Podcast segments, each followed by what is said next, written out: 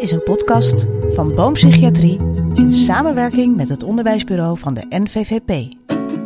Welkom bij seizoen 2 van de podcast AJOS op de sofa. De podcast voor psychiaters en psychiaters in spe.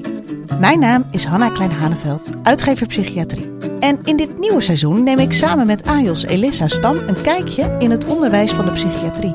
Elke aflevering nemen een psychiater en een AJOS plaats op onze sofa. We bespreken met hen een vakgebied uit de psychiatrie waarvoor zij onderwijs hebben gemaakt. En ook dit seizoen hoor je weer de columns van Juri Tijdink. Het vakgebied van deze week? Ziekenhuispsychiatrie. Het systeem dwingt ook een bepaald tempo af. En niet zelden zijn wij er als, uh, als psychiatrie voor om juist het tempo dan maar wat lager te maken. Uh, maar natuurlijk niet zo laag dat iedereen denkt, nou we haken af, hier hebben we niks aan. Uh, jullie praten alleen maar en jullie doen niks. Hanna, seizoen 2. Ja, ja. Zo waar. Ja. Leuk dat we terug zijn. Vind ik ook. En we hebben ons mogen vergapen aan prachtige bossen op weg naar. Ja, waar zijn we nu eigenlijk? We zijn in Rijnstaten, dat is het ziekenhuis in Arnhem. En we zijn hier op bezoek bij onze volgende gasten. Ja. Eigenlijk bij een van de twee. En de andere is daar ook op bezoek, want een unicum wel. We hebben vandaag twee gasten aan tafel. Precies. En nog een unicum. De eerste AJOS die aanschuift bij AJOS op de sofa, Sven Linsen.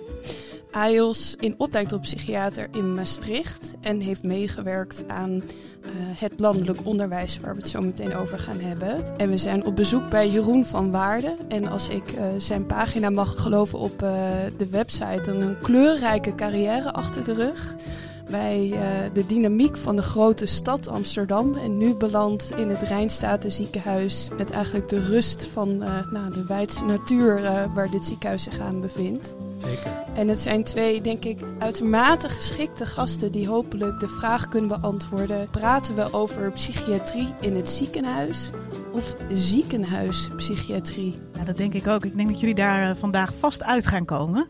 Uh, hartelijk welkom allebei. Super fijn dat we op bezoek mochten komen met al onze apparatuur om uh, weer een mooie nieuwe aflevering te maken. Volgens mij, Jeroen, uh, is dit een vraag waar jij meteen ja, wat mee kunt. Ja, nou, je kopt hem er wel gelijk in. Misschien wel een van de allerbelangrijkste punten die we aan het voetlicht willen brengen. Hè? Gaat het nou om een heel specifiek vakgebied?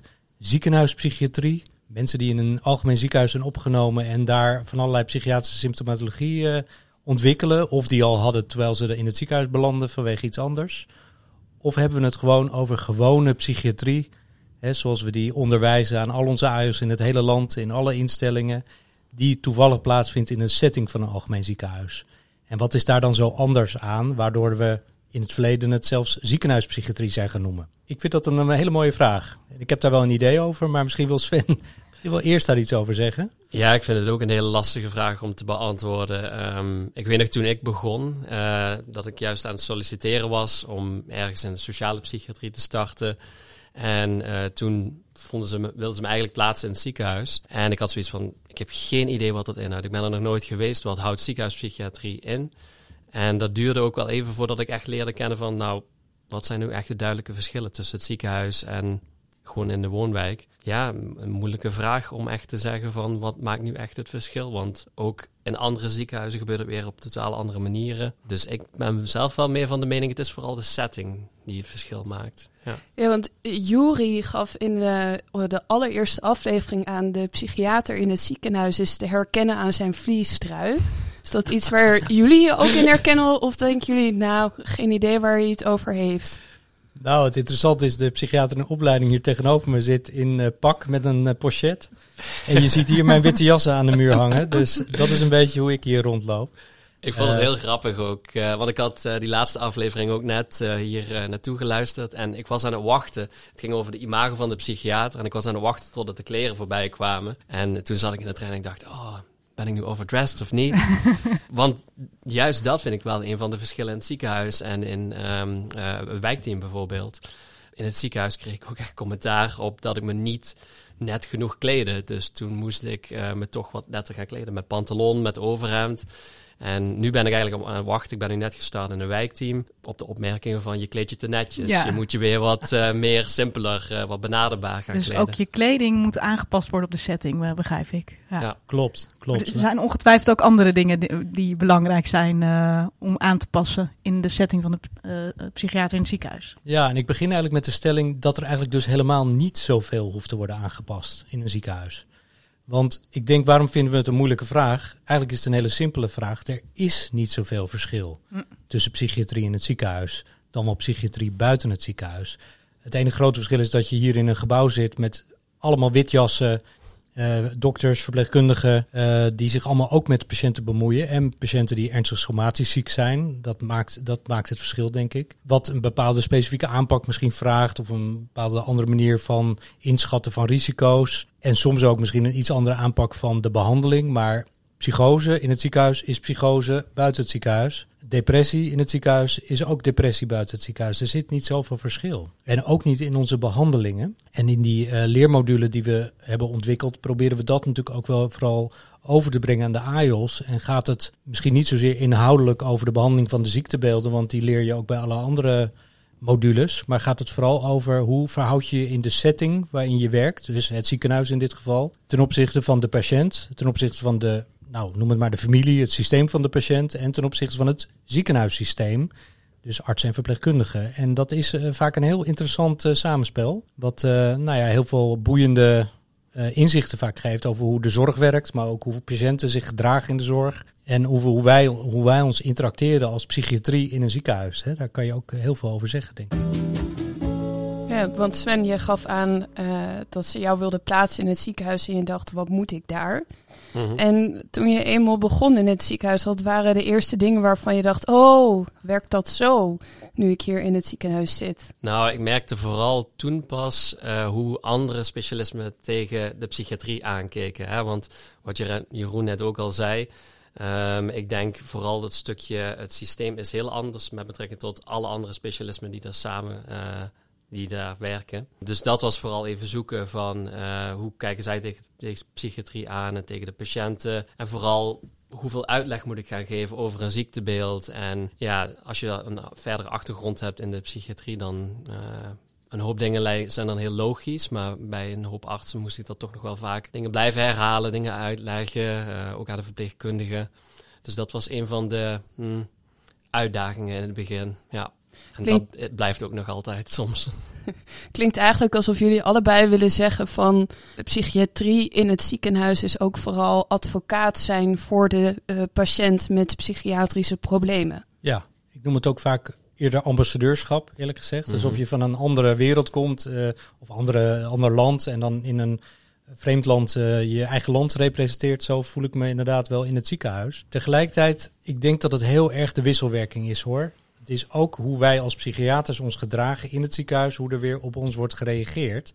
Een voorbeeld hier in dit ziekenhuis is dat onze paasafdeling, zoals jullie nu net hebben gemerkt, volledig midden in het ziekenhuis zit. Je komt via de hoofdafdeling of hoofdingang van het ziekenhuis binnen. Ja. En dan loop je eigenlijk direct naar onze afdeling. Boven ons zit de neonatologie, links van ons zit de dialyseafdeling. Nou, noem het maar op. Je zit midden in het ziekenhuis. Dat is niet overal zo, overigens. Zeker niet, nee. Zeker niet. En dat, dat kan soms ook echt wel tot problemen leiden. Maar in dit ziekenhuis is dat altijd zo geweest. En ja, als wij bijvoorbeeld ECT's doen, dan doen we dat gewoon op het operatiekamercomplex. Ik sta me gewoon om te kleden naast die chirurgen die ik even gedag zeg. Hoe is het met je?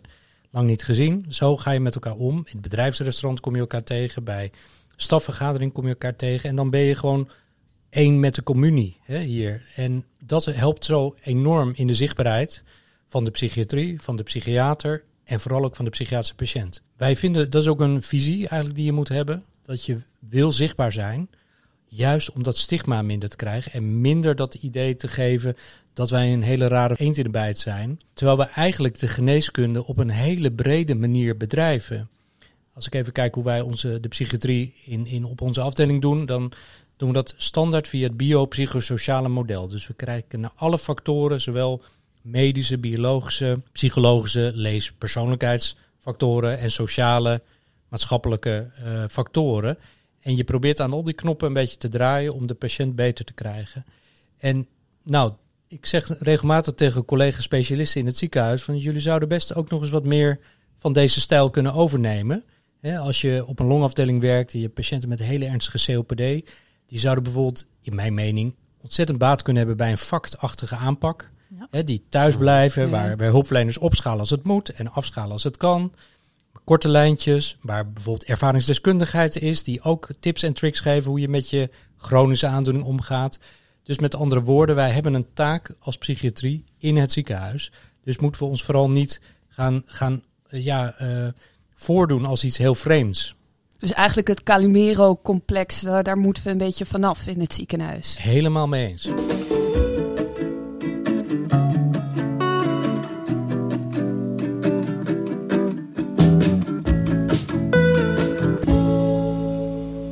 Column gesproken door Juri Tijdink. De ziekenhuispsychiatrie. Het is twaalf uur s'nachts. Ik lig net lekker te slapen en was er al stiekem een beetje van uitgegaan dat dit een rustige dienst zou worden. En dan gaat de telefoon. De SCA-arts belt en vraagt me in consult. Een meisje van 18 heeft een halve liter wodka en 10 pillen paracetamol ingenomen nadat haar vriendje het had uitgemaakt. Somatisch is ze vrijgegeven, maar psychiatrisch nog niet. Of ik in huis kan komen om haar te beoordelen. Met enige tegenzin en misplaatste boosheid over de legitimiteit van deze TS en van de consultvraag, stap ik in de auto en race naar het ziekenhuis. In het ziekenhuis ben ik alweer wat gekalmeerd. Ik had in de auto nog een keer goed doorgenomen waar ik precies op wilde letten tijdens de anamnese en wat ik allemaal wilde uitvragen. Ik ben klaar om deze patiënten te beoordelen. Alleen, er is geen patiënte meer. Ze blijkt tegen medisch advies met ontslag te zijn gegaan. Ze hadden me vergeten te bellen. Maar ja, er waren ook zoveel SEH-patiënten die wel echt iets hadden. Al dus de verpleegkundige. Toen ik mijn opleiding tot psychiater in het Sint-Lucas Andreas ziekenhuis deed, dat is het huidige OVG West, dacht ik dat de psychiatrie vooral bestond uit ziekenhuispsychiatrie. Ik en mijn vijf collega-artsassistenten zaten in een pressure cooker van leren en werken. We werkten hard, soms twee keer per week, avonddiensten en nachtdiensten en namen veel voor elkaar waar. Het was een mooie tijd.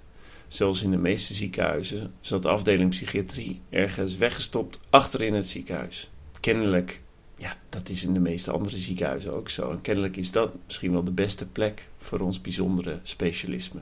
Behalve dus in treinstaten, wat ik van Jeroen hoorde. Deze opleidingsplek was een unieke plek, want destijds was het de enige A-opleiding in een algemeen ziekenhuis. Bovendien een microcosmos waar we de illusie hadden dat hier de echte psychiatrie bedreven werd, waar we ons dokter voelden en dus ons zelfs konden rechtvaardigen als een heus medisch specialisme. Voor mijn gevoel hadden ziekenhuispsychiaters een zekere superioriteit naar de rest van onze beroepsgroep en dat wilde ik wel geloven. Ik wilde ook wel bijzonder zijn. Na drie jaar vloog ik uit naar andere plekken om mijn opleiding af te ronden. En pas toen begon ik beter te begrijpen hoe de GGZ werkt. Het ziekenhuis is een mini-samenleving. En laten we eerlijk zijn, binnen het ziekenhuis ben je misschien wel een grote meneer. Buiten het ziekenhuis zijn we gewoon weer mensen. Dit geldt niet alleen voor de psychiater, maar ook voor iedere andere specialist. Toch heeft het ziekenhuis me gevormd als psychiater en de liefde voor het vak enorm aangewakkerd. Dat kwam deels door inspirerende supervisoren, maar ook door een ambitieuze omgeving waarin snelheid een belangrijke kwaliteit was. Je moet nu eenmaal mee met de snelheid van het ziekenhuis en dokter zijn helpt daarbij. Net als je somatische collega's wil je snel beslissingen nemen. Daarbij geldt ook dat het uitstellen van de beslissing ook een beslissing kan zijn. Het hielp mij enorm om scherp te leren denken over patiënten en diagnostiek. Wat ik niet zag, was dat er in de GGZ hele andere dynamiek is, die net zo goed is voor de patiënt en voor de in de opleiding tot psychiater. Soms mis ik het nog wel hoor. Die telefoontjes om 12 uur s'nachts en in je auto racen naar het ziekenhuis. Het voelde heldhaftig en stoer om in mijn witte jas, die ik standaard in mijn auto had liggen, de SCH op te rennen en de verpleegkundige te zien ontspannen wanneer ik er eindelijk was. Eindelijk gaat iemand zich met die moeilijke patiënt bemoeien, dachten ze. Niet dat ik iets heldhaftigs ging doen hoor, maar toch, ik was in ieder geval heel even een grote meneer.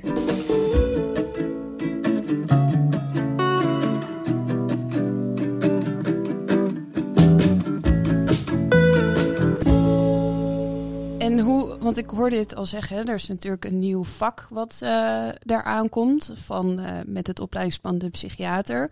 Maar hoe leer je dat de aanstaande collega's nou bij van het ambassadeurschap uitdragen in het ziekenhuis? Zijn Ja, er bepaalde competenties of zo die je dan nodig hebt? Of, en, en zo ja, hoe kun je die ontwikkelen? Nou, we hebben wel gekeken naar welke leerdoelen zijn nu echt belangrijk bij die nieuwe module. Hè? En een van de dingen die ik er zelf vond uitspringen, is dat stukje samenwerking, voorlichting geven aan je collega's. En vooral jezelf inderdaad niet willen wegstoppen in een of ander hoekje. Dus dat proberen we wel echt duidelijk eh, in de nieuwe module te belichten en meer aandacht aan te besteden. Maar Ja. ja, het is ook een stukje basishouding die je zelf moet hebben. En enthousiasme uitstralen voor je vak. En ook openstaan voor de andere specialisten.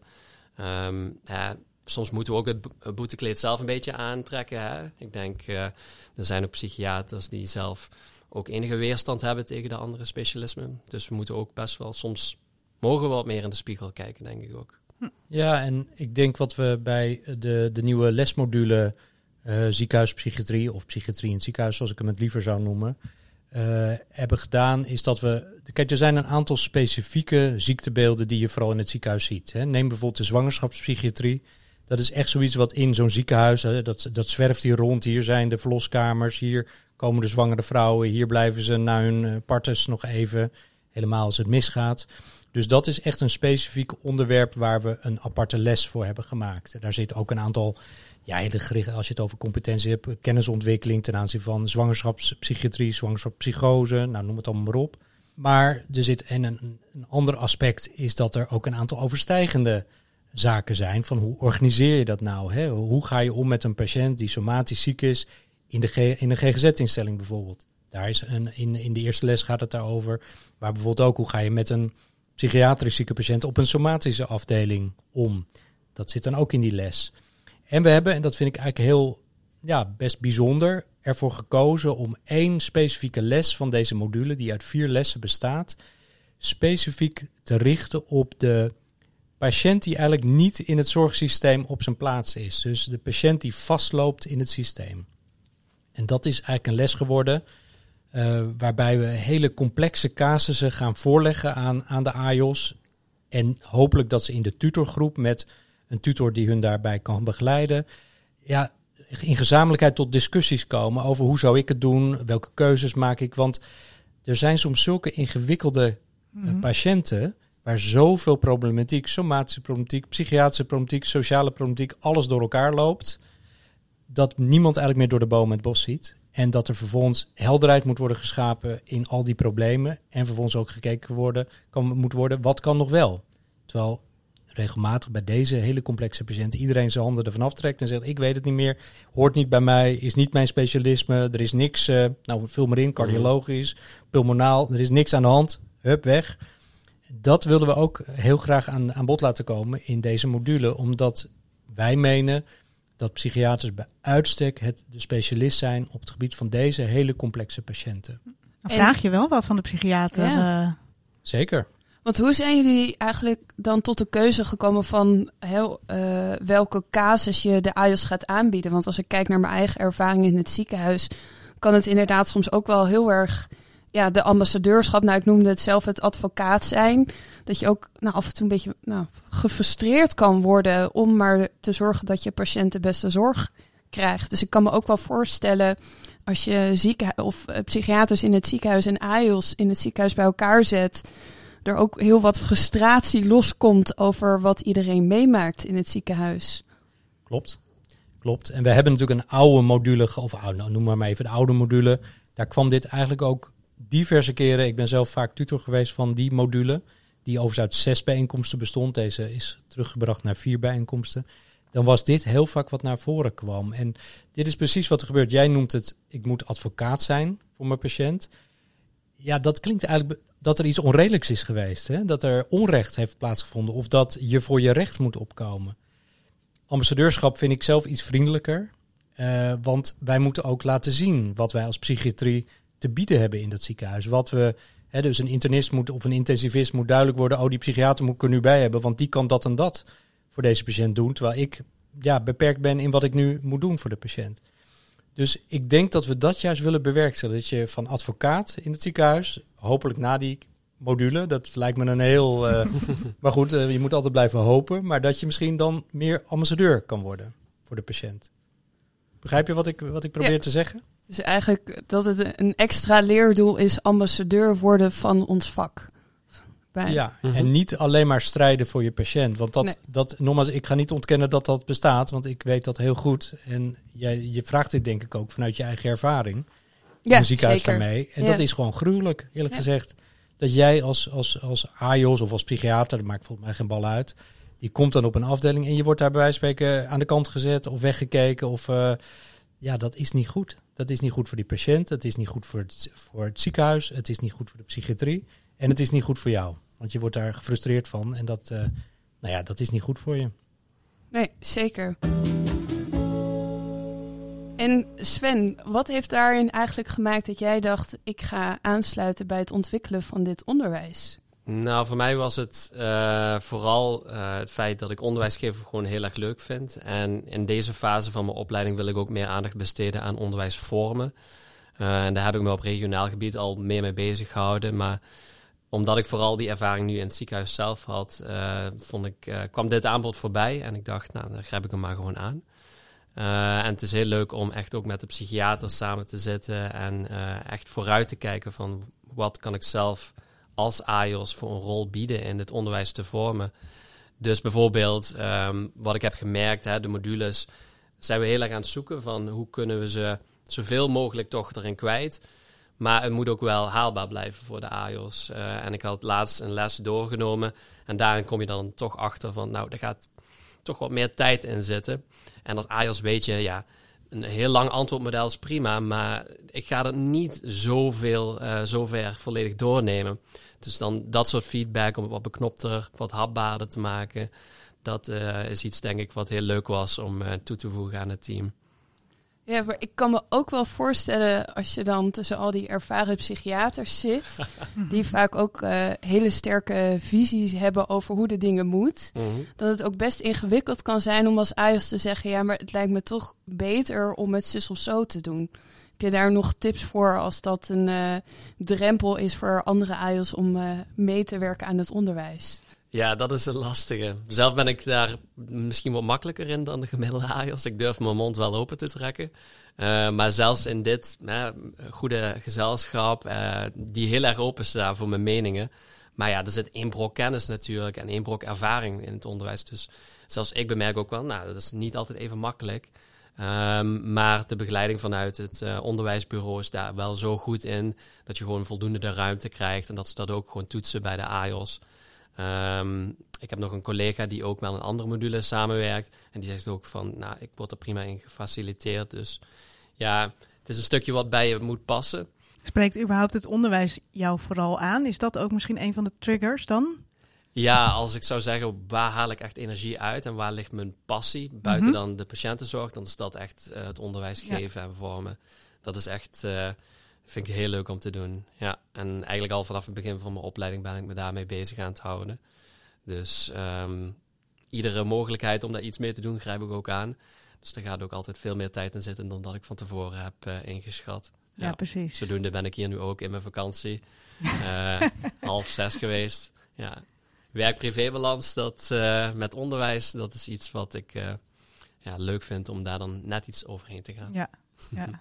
Je hebt het dus over passie van onderwijs geven. En eigenlijk een vraag aan jullie beiden is onderwijs maken voor AIOS psychiatrie. Het is misschien een beetje op de deur, maar is dat anders dan het onderwijs wat jullie op een afdeling interne chirurgie of uh, wat dan ook uh, geven als je daar betrokken wordt bij uh, een patiënt? Ook hiervoor geldt eigenlijk, denk ik, nee. Er zit niet zoveel verschil. Ik ken voldoende AIOS, interne neurologie, geriatrie, nou, die in de loop der jaren heel leergierig zijn geweest om iets te leren. Het is vaak de blikvernauwing door de omgeving die ontstaat. Ik, ik vertelde net over dat ik vind dat je patiënten heel breed moet bekijken, biopsychosociaal. En je ziet dat mensen soms worden, patiënten worden opgenomen op een afdeling. En, en, op de afdeling gaat het altijd volgens dat zorgpad. En dat moet dan, de patiënt moet na twee dagen alweer met ontslag zijn. En na de operatie bijvoorbeeld. En dat is wat AIOS dan aanleren. Terwijl als je ze erop wijst dat bij bepaalde patiënten dat helemaal niet aan de orde is. Die mensen krijgen niet na twee dagen al met ontslag.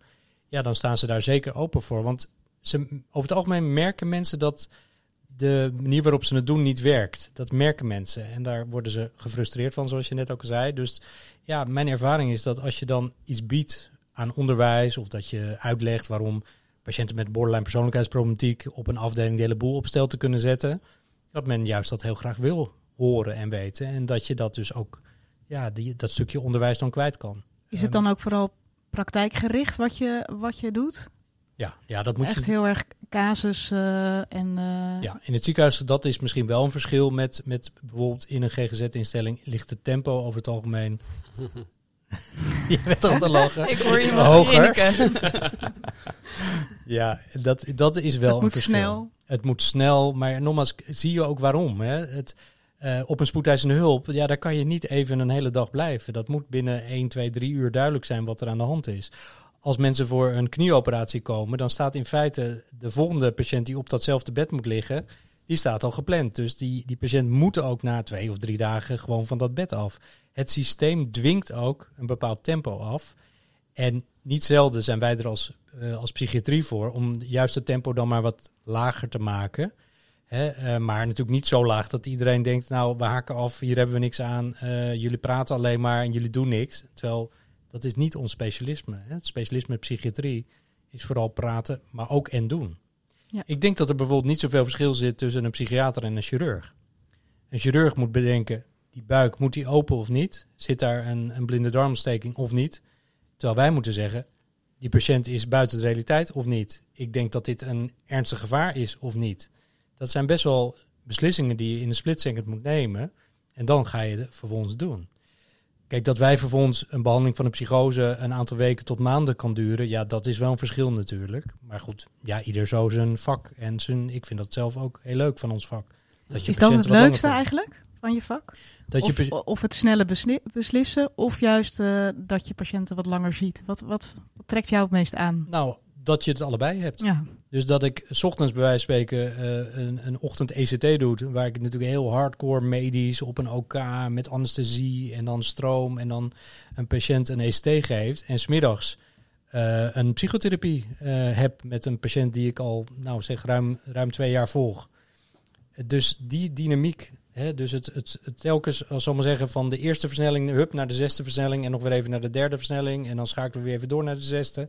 Ja, dat, daar hou ik van. Dus dat is misschien ook wel een verschil tussen verschillende psychiaters. Hè. Sommige mensen vinden dat helemaal niks. Of die, die willen hun vak op een andere manier uitoefenen. Maar ik vind juist dit leuk, dat je het en-en kan doen. en daarom past het ziekenhuis ook zo goed bij jou. Zeker. Ja, want in zo'n ziekenhuis als dit kan je en snel gaan als het moet. En even wat meer tijd nemen als het nodig is. Met allebei natuurlijk het doel dat, dat het een goed resultaat voor je patiënt geeft. En jezelf een, een, eh, een bevredigend gevoel aan het eind van de dag. En een voordeel natuurlijk ook in het ziekenhuis is dat je heel direct eh, bij andere specialismen terecht kunt. Hè? Dus ook in die zin veel meer aandacht kunt hebben voor dat stukje biologie en het biopsychosociale model. En zeker die samenwerking met die andere specialismen, dat is echt iets wat ik geweldig vind aan het ziekenhuis. Dat is zo leuk om te, te sparren bij patiënten van, is dit nou een lichamelijke aandoening die het volledig kan verklaren? Wat is hier eh, de gedragscomponent bij? Ehm, moeten we naar de medicatie kijken ook, vanuit uh, somatici gezien. En ja, dat is echt heel erg leuk, vind ik, om te doen. Ja, Dat maakt het divers. zeker. Ja. En dat maakt het ook best lastig om dit in een stuk onderwijs te kunnen gieten. Hè? Want hoe kan je nou in godsnaam in vier lessen Ja. dit overbrengen aan AIOS die niet in een ziekenhuis werken of daar misschien ook niet eens. Nou ja, in het, in het huidige, de psychiater moet je natuurlijk een half jaar ja, je moet een een stage, stage doen, lopen Ja. in het ziekenhuis. Dus dat Ja. is nu eh, nou, erbij gekomen. Dat was nou, tot voor kort niet. Hè. Er zijn gewoon legio psychiaters die niet in een ziekenhuis zijn geweest tijdens een opleiding. Nou, dat gaat nu veranderen. Maar goed, de, de manier van werken en denken over patiënten in het ziekenhuis, dat, dat zou ik dus heel graag willen dat alle AIOS dat meepikken. Nou, misschien door deze module dat dat toch ietsje dichter bij de realiteit gaat komen. Volgens mij moeten de AIOS dit ook allemaal luisteren voordat ze die module gaan doen. Dus dat is alvast een eh, kleine introductie voor ze. Precies. Mooie start. Ja. Hey, het woordje moeten, is dat nou van deze tijd nog? nou, weet Sven? ik niet. Ik weet het niet. Ik weet ook niet. Maar het wordt ze aangeraden, denk ik. Oh, met, eh, Sterk aangeraden. ja, sterk. sterk aangeraden. Eh, dit is ook zo'n ziekenhuis-eigenschap. hè. in het ziekenhuis werken over het algemeen hele autonome mensen. Kijk naar de gemiddelde medisch specialist, maar ook, ook eh, eh, ja, andere beroepsgroepen in het ziekenhuis, die willen allemaal, die staan voor hun vak en die, die willen die autonomie ook heel graag behouden. Dus dan zeggen iemand anders die zegt, jij moet dit, dat, dat valt meestal niet goed. Maar dat is ook de kunst. En daarom vind ik het ook zo leuk dat je met je hele psychotherapeutische kennis en vaardigheden, die je natuurlijk als psychiater ontwikkelt gedurende die opleiding, zeker ook bij de stages niet in het ziekenhuis, laat ik Mhm. dat wel wezen. Dat leer je vooral buiten een ziekenhuis, denk ik, of in een, in een, in een psychotherapie eh, die je doet bij een patiënt.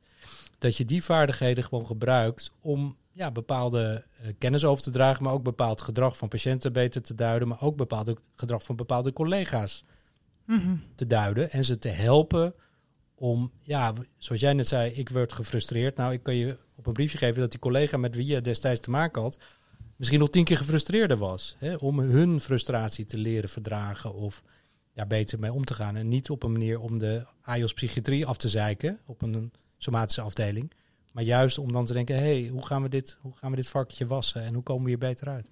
Want is dat ook niet iets wat de psychiatrie in het ziekenhuis kleurt? Dat ehm, het samenwerken met andere specialismen soms ook is het misschien meer ja, het behandelen tussen twee haakjes van de collega's en van de verpleging dan nu feitelijk de patiënt die allicht een keer in zijn voorgeschiedenis iets heeft meegemaakt, maar waar de psychiatrie nu niet op de voorgrond staat.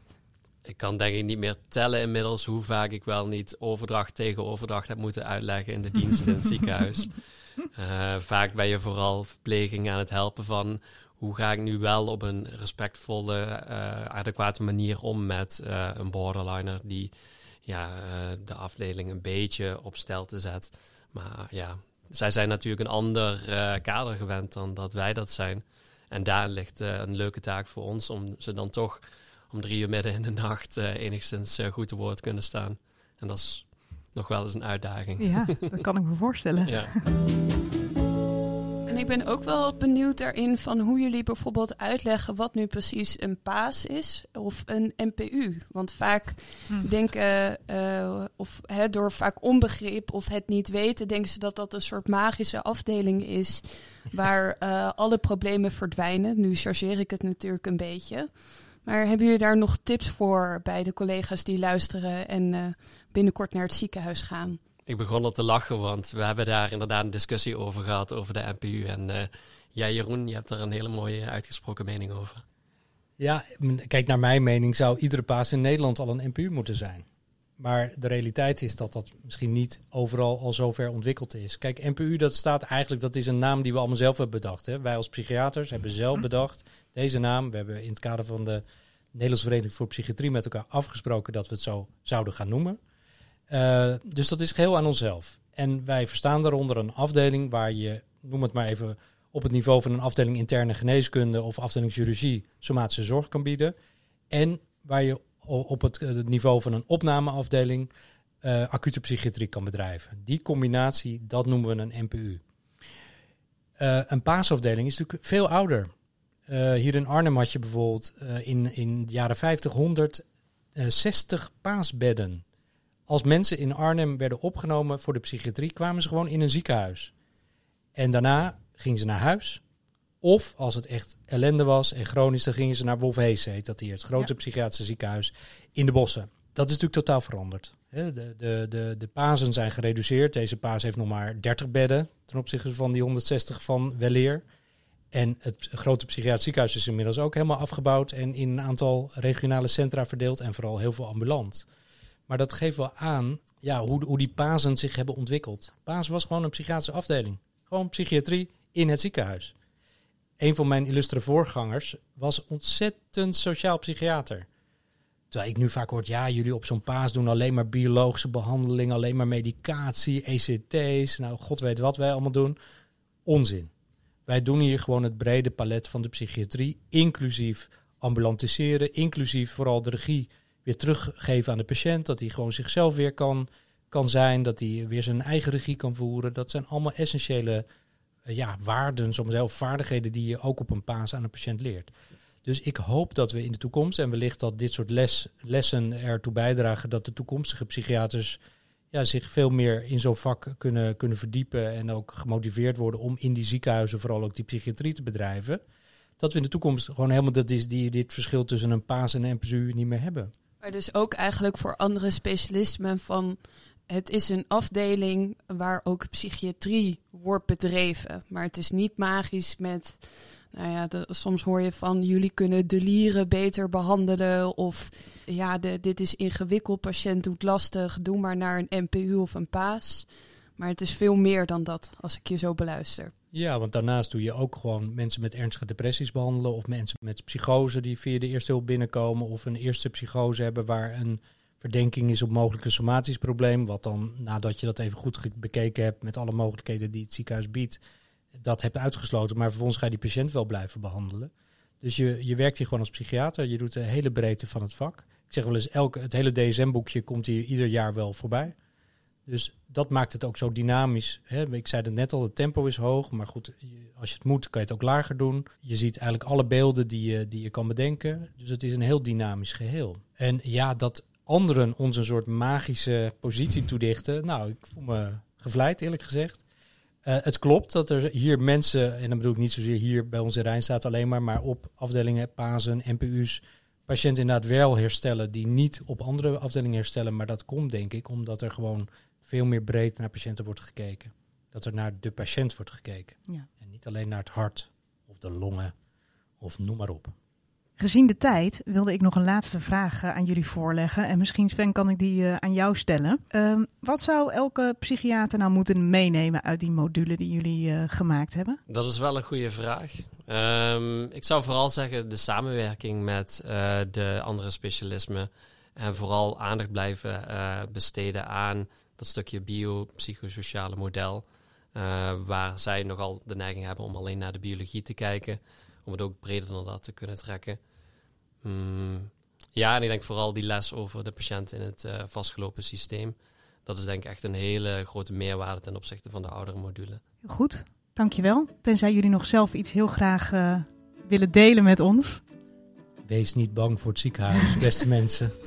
Zoek die stages in die ziekenhuizen, want ja, je pikt er wat voor mee. Ook als je de rest van je carrière in de, in de ambulante setting werkt of als psychotherapeut werkt. Je pikt gewoon mee hoe het systeem werkt en dat is voor patiënten ja, essentieel. En de hiërarchie is ook lang niet zo erg als dat iedereen denkt. ik weet dat daar een hoop eh, andere AJAS ook tegenop kijken, maar dat valt enorm mee. Gelukkig. Goed om te horen. Bedankt voor het luisteren. Vind je deze podcast interessant? Volg ons dan ook op Instagram via @ajos op de sofa of op LinkedIn. Verder helpt het ons enorm als je een review achterlaat en de podcast tipt aan je collega's, vrienden, familie, eigenlijk aan iedereen die psychiatrie leuk vindt. Meer informatie over de podcast vind je via www.boompsychologie.nl/ajos. Tot de volgende aflevering. Dan gaan we het hebben over sociale psychiatrie.